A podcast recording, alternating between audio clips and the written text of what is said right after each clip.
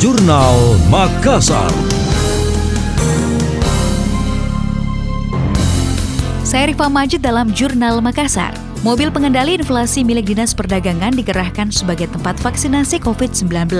Hal ini sebagai salah satu bentuk upaya percepatan dan mempermudah akses vaksinasi bagi masyarakat. Wali Kota Makassar Dani Pomanto mengatakan ada 10 unit kendaraan saat ini yang akan bergerak agar vaksinasi bisa menjangkau masyarakat lebih luas. Kendaraan berukuran besar dan menyerupai truk akan menyasar warga yang jauh dari pusat perkotaan. Iya, akan digunakan tadi jadi peralatan dari situ langsung untuk kecamatan yang misalnya Biringkanaya yang jauh-jauh terus lebar-lebar. Tapi kalau di Talo tidak memungkinkan, tidak memungkinkan. Iya, karena sempit lorongnya.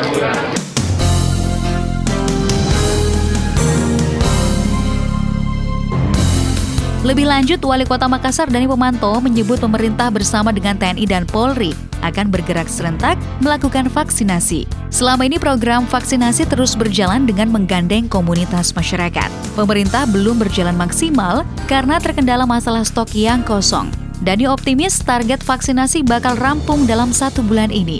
Saat ini tengah melakukan persiapan dan dilanjutkan turun langsung ke masyarakat. Anda tengah menyimak Jurnal Makassar dari Radio Smart FM. Tes seleksi kompetensi dasar atau SKD CPNS di lingkup Pemprov Sulsel mulai dilaksanakan hari ini, 14 September 2021 di Celebes Convention Center atau Triple C Makassar. Selama tes berlangsung, panitia penyelenggara memperlakukan aturan yang sangat ketat kepada peserta. Di antaranya adalah peserta harus datang tepat waktu.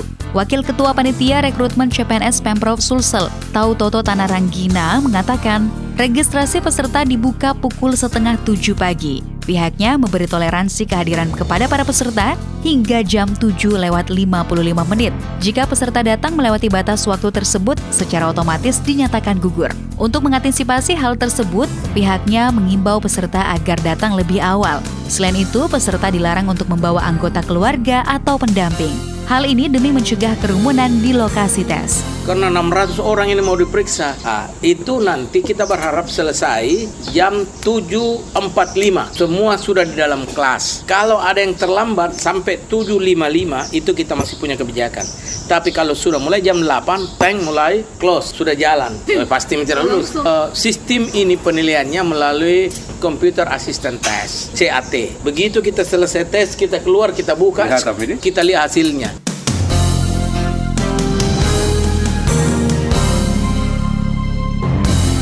Sementara itu, Kepala Bidang Informasi Kepegawaian Kantor Regional 4 BKN, Christina Heni mengungkapkan, tes CPNS tahun ini pihaknya kembali menggunakan teknologi deteksi wajah atau recognition face untuk memastikan yang hadir nanti adalah peserta. Teknologi tersebut sekaligus bertujuan untuk mengantisipasi praktek joki. Christina mengklaim penggunaan face recognition ini pada tes CPNS tahun lalu diklaim berhasil meminimalisir upaya kecurangan oleh oknum yang tidak bertanggung jawab. Jadi kesesuaian wajah, foto pada peserta dan yang bersangkutan. Keliru sedikit, dia jilbabnya miring sedikit, ini alat udah nggak mau membaca. Hmm. Jadi seperti mungkin, kalau dia senyum, senyum. Jadi recognition face ini membantu kita untuk memastikan yang hadir adalah peserta yang sebenarnya, bukan joki atau atau kembarannya. Kita robot, mesin, maka memang dia harus se sepercis mungkin kita lihat KTP, lihat kartu peserta, lalu recognition face, jadi minimal mata.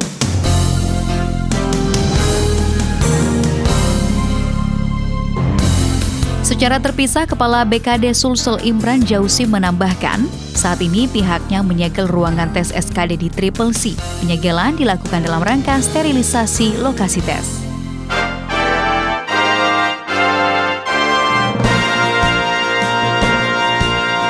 Demikian tadi, Jurnal Makassar.